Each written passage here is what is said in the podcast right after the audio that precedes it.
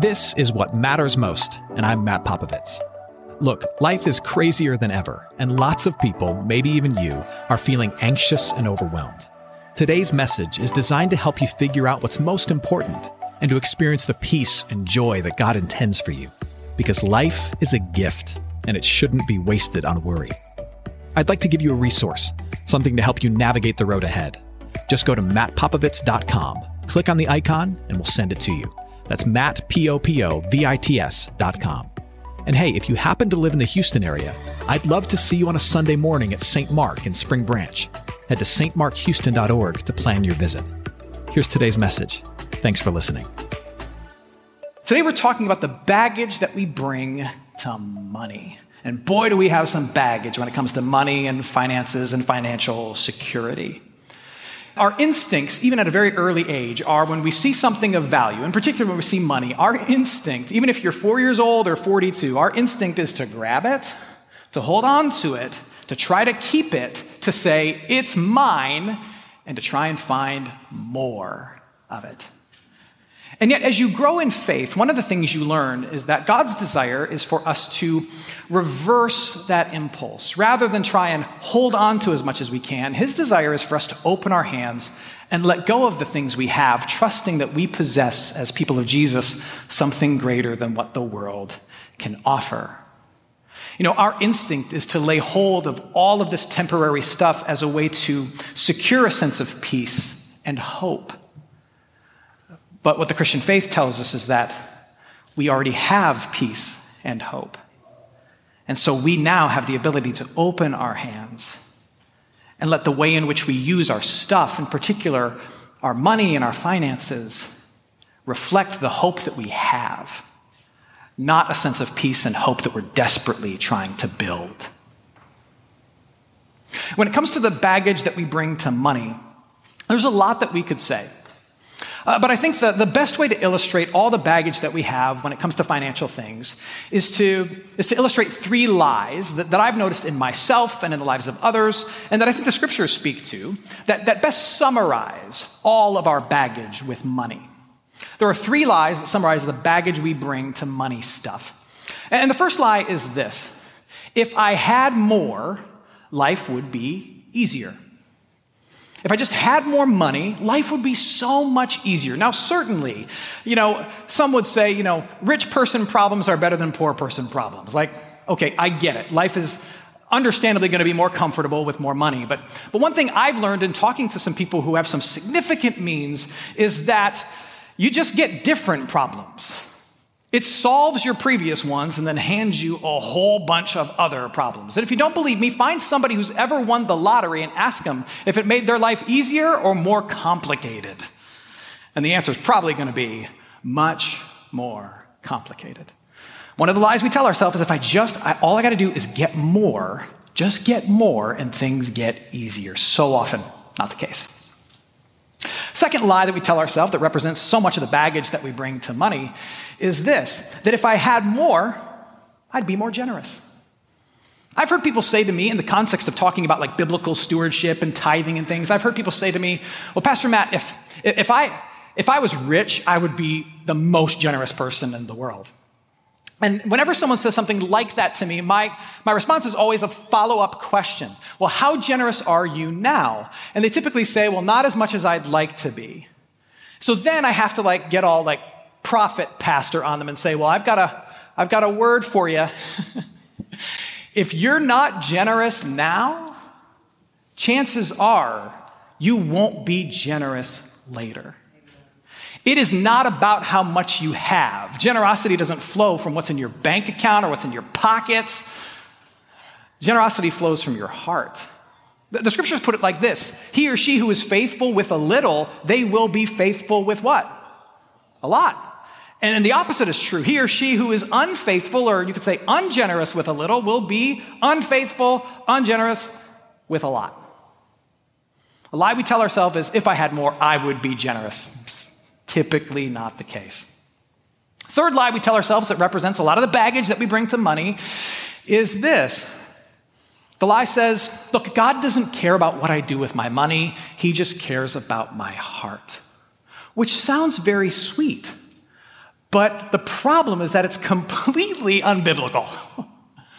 Well, God cares about both. It's a, it's a false dichotomy. God cares about both. In, fact, the scriptures talk a ton about money. So, for example, the Gospel of Luke, which tells us uh, the story of Jesus' life from Luke's perspective and the people that he talked to, virtually all of Jesus' teachings, it seems, in the Gospel of Luke have some connection to finances. Jesus himself talks about this a ton. A ton. And the reason he talks about it a lot, the reason the scriptures deal with it a lot, is because God knows that, the, that there is power that money, finances, and stuff have over our heart, over our mind, over our entire lives. And because God cares about your heart and your mind and your entire life, guess what? He's got to talk about money. He's got to talk about it. Of course, He cares what you do with your money because He cares about you and your heart and your life and your faithfulness to Him and the blessing that you can be to the rest of the world. Uh, those are just three of the lies that we tell ourselves that summarize just some of the baggage that we bring to this issue. Now, the question is what do Christians do about it? How do they reconcile the baggage they bring to money so that, as I said at the beginning, the way in which we manage our money and our finances, whenever we've got a little or we've got a lot, is in step with the hope that we already have, or reflects the fact that we already believe we have this deep peace and this great hope in Christ, rather than desperately trying to use whatever we have to get more stuff, thinking it's going to give us hope and peace. Well, you know, there are some who would step in and say, well, the path to aligning your finances with the things of God begins with financial discipline. And they give you a budget or they give you a bunch of envelopes and you only do cash or whatever it is. Not, which, fine, that's great. But, but that's ultimately not how you solve this and get what you do with your money and your finances and your stuff in line with the hope that you have in Jesus. Uh, First and foremost, we don't need discipline or different budgets. First and foremost, what we need is a fresh encounter with the wealth that we already possess in Jesus Christ. Now, you might think that that's kind of flowery, kind of idealistic theological language, but that's what Paul is talking about in Ephesians chapter 1. Remember, he's addressing in the Ephesian church, he's addressing practical, theological, financial issues and otherwise. And in the chap- first chapter, he says, Look, your ultimate problem is that you, you have yet to grasp the wealth that flows from you in the spiritual world from Jesus into your life right now. And no, we're not talking earthly wealth, we're talking about greater riches. Look, at, look again at what he says. This is a slightly different translation, starting at verse 18. Paul says, May the eyes of your hearts be enlightened. Enlightened to what? That you may know what is the hope to which he's called you, this, this future that he's called you to. What are the riches of his glorious inheritance in the saints? In, in other words, I want your eyes to be opened to the tremendous, indescribable blessings that are coming to you in the world to come because you belong to the Father through Christ Jesus. And what is the immeasurable greatness of his power toward us who believe? according to the working of his great might that he worked in Christ when he raised him from the dead and seated him at his right hand in the heavenly places. Paul is addressing a whole bunch of very real issues in the Ephesian church, and he could have opened his letter with greetings from Paul, cut it out. But he doesn't. What he says is, I, I wish, I wish you could grasp just how wealthy in the things that matter you already are, the inheritance that God has waiting for you, the power that He can demonstrate for you in the here and the now. I wish you could grasp that because then we wouldn't have to be having this conversation. Here's what Paul knew about the Ephesian church, and here's what we know about ourselves if we're being really honest. So many of our issues, in particular our financial issues, stem from this desperate need that we have for security and approval. And security and approval are not bad things.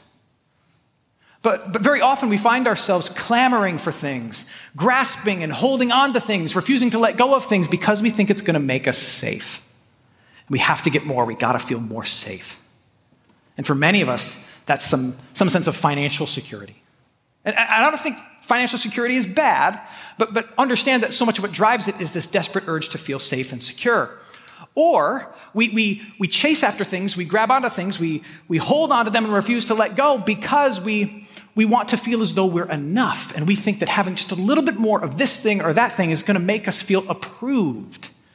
In our own eyes, in, the eyes of our peers, maybe even the eyes of God. If I can just get a little more, I'll have approval. I will be enough.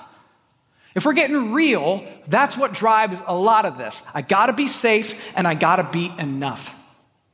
And yet, what the scriptures tell us over and over again, and Jesus loves to make this point, is that true safety, security, true acceptance, true approval, lasting, substantive can.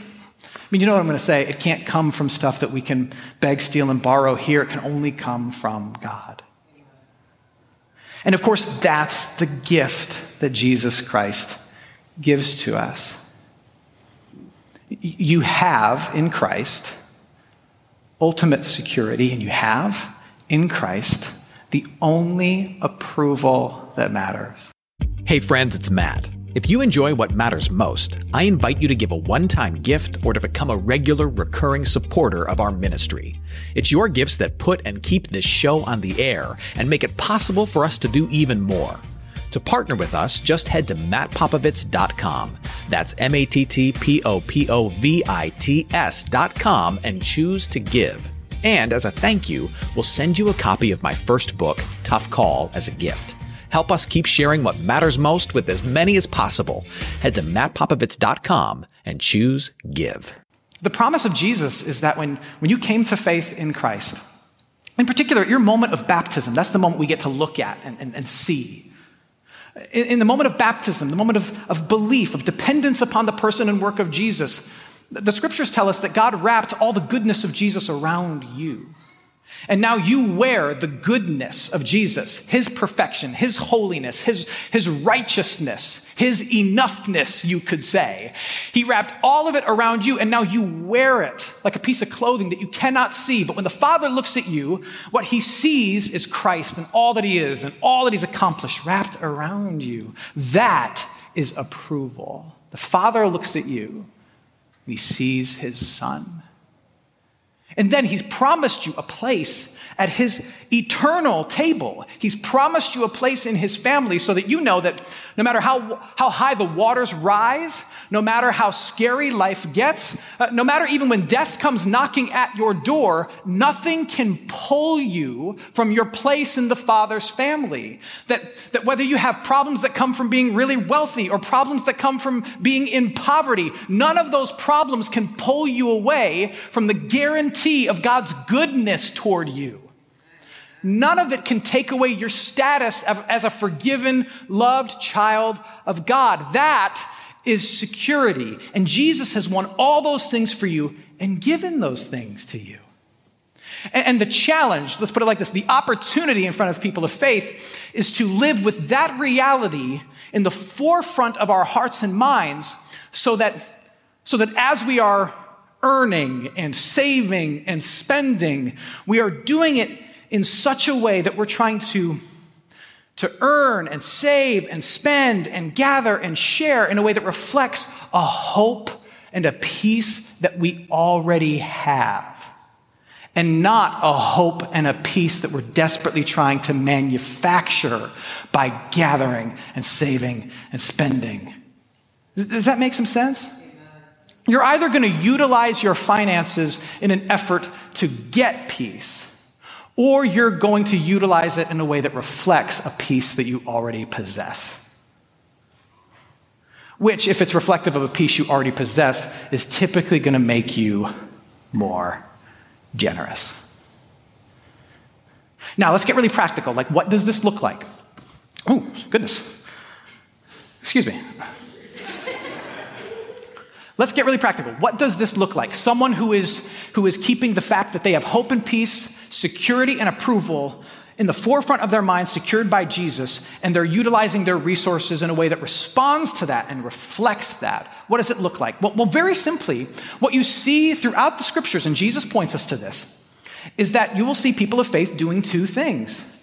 And when I say it, you're going to be like, oh, I knew that. I could have, I could have, I could have guessed that. The two things that God says, here's what you're going to do. If your hope is secure in Jesus, you're going to do two things with whatever wealth you have, a little or a lot. You're going to do two things. Number one, you're going to provide for your own needs. Yes, God says provide for your own needs. You get to be comfortable, you get to have stuff. But then, provide for your own needs, but then invest in his activity. And what, is, what does he define as his activity? Well, the, the growth of his kingdom, more people coming to know what you get to know, and generosity, love, and kindness towards your neighbors.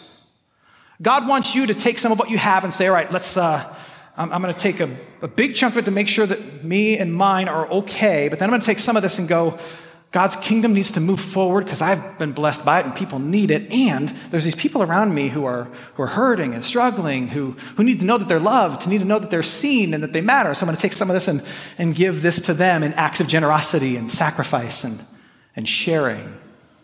That's what the Lord wants you to do. That's what it looks like. And it sounds super simple, doesn't it? it, it it's simple, but, but it's not easy.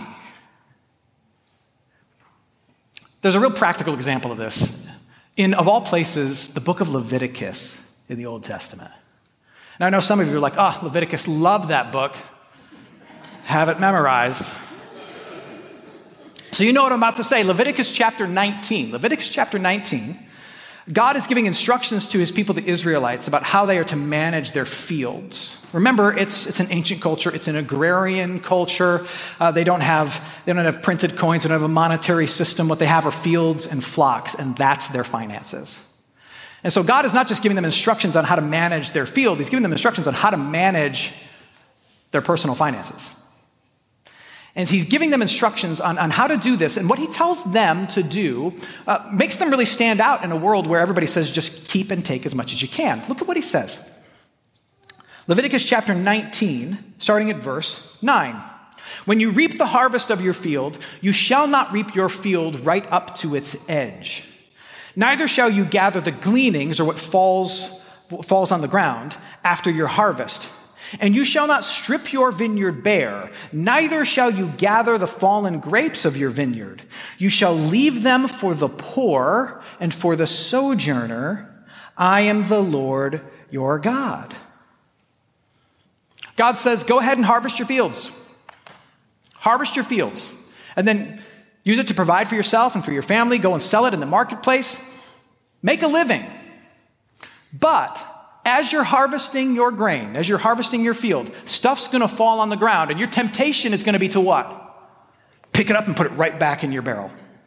Or pick it up and put it right back in the bag that you're carrying with, the cart that you're pushing. When stuff falls to the ground, says, God says, fight the temptation, just pick it up and put it back in your possession. If it falls to the ground, leave it. And as you're harvesting your field, your temptation is going to be to say, I'm going to harvest all the way to the edge. My property line is here, so I'm going to harvest all the way to here and get everything that's mine. It's all my property after all, so I'm going to harvest all the way to the edge.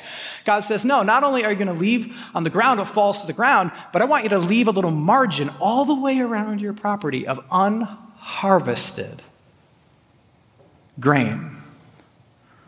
Why?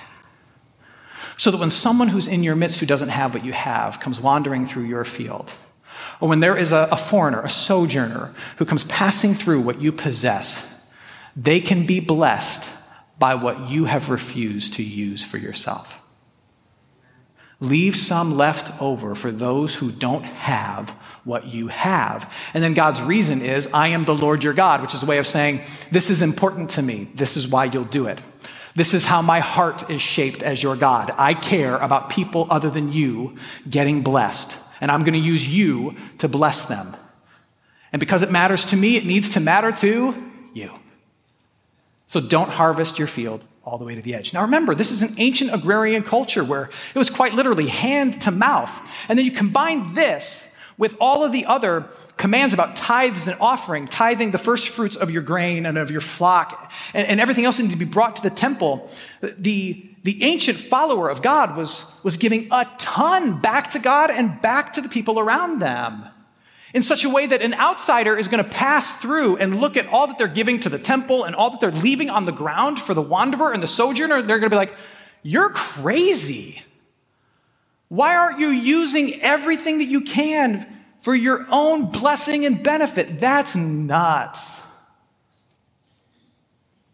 One of the reasons why we have so many issues, so much baggage with money and finances is because you and I, we begin with this assumption whatever is my field is mine. Whatever falls to the ground, I have to grab. We begin with the assumption that everything I have, whether it's a lot or a little, all of it needs to be harvested, all of it needs to be used for me. All of it. And we leave, we don't even, we don't even assume that we should leave anything for anybody else. But, but a follower of Jesus who says, Look, my hope is here, my peace is secure.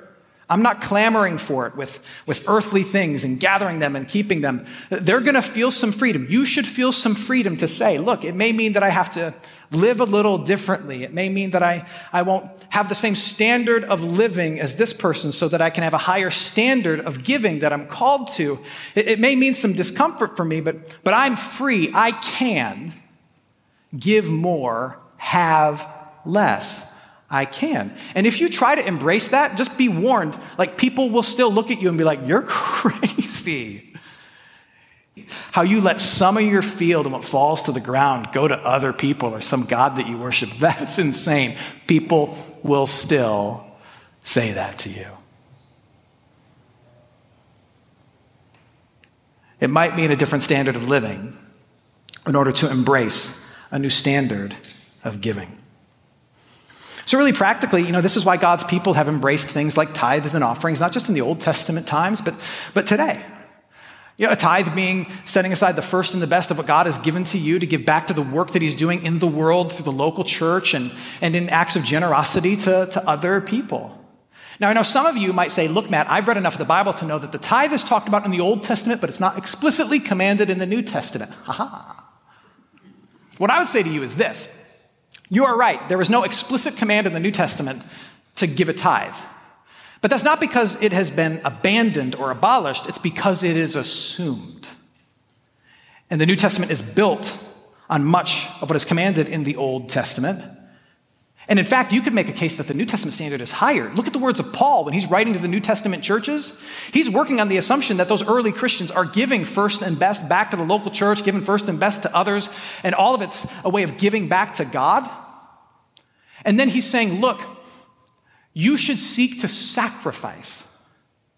And your gift should, should reflect a sacrifice that's in line with or reflects the sacrifice of Jesus. What did Jesus do? He gave till it hurt, and he encourages the New Testament churches to be a cheerful giver, be a consistent giver, but be a sacrificial giver. And I've never encountered a sacrifice that doesn't pinch, that doesn't hurt, or cause a little bit of discomfort. That's what makes it. Uh, exactly, yeah, you're following with me.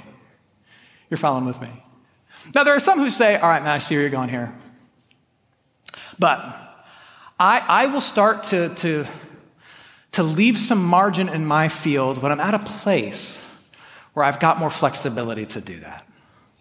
Or because I want to do it from a genuine heart space. I just made that up. Because I want to do that from a place where it's really genuine. I want to be in the right frame of mind to do that. Uh, I'm going to wait until I'm ready, financially and emotionally. And to that, I would say, like, do, like, do you have kids? Some people say, I'm going to wait to have kids until I'm ready. and then you have kids and you realize, I was not ready. and then you realize that in the having of the kids, it what? It makes you ready, right? The same is true with generosity. If you wait till you're generous, you will never be generous. But in the act of attempting to be generous, it forms you in to a generous person. That's what it does for you if you care about getting your, your life and your heart and your finances in line with the things that matter to God, start giving to the things of God and watch what happens. Like, I, am just the mailman. I don't write the mail, I just deliver it. Jesus said, Where your treasure is, there is your heart. So if you want more of your heart to be in something, put your treasure in it and watch what happens. Test and see. It's okay. Hey, it's Matt. I hope you enjoyed what matters most. Here's what I need you to know life is a gift, and it shouldn't be wasted on worry. I want to help you figure out what's most important and to experience the peace and joy that God intends for you. So, for more content, you can head to mattpopovits.com. That's Matt, P O P O V I T S.com. There, you can also support this ministry as well as access your free resource, a little something to help you navigate the road ahead. I'd also love to see you on a Sunday morning. If you're in the Houston area, head to stmarkhouston.org to plan your visit. In the meantime, Hit me up on Instagram at mpopovits or at facebook.com slash Matt Ministries. Thanks for listening. Now go and hold tight to what matters most.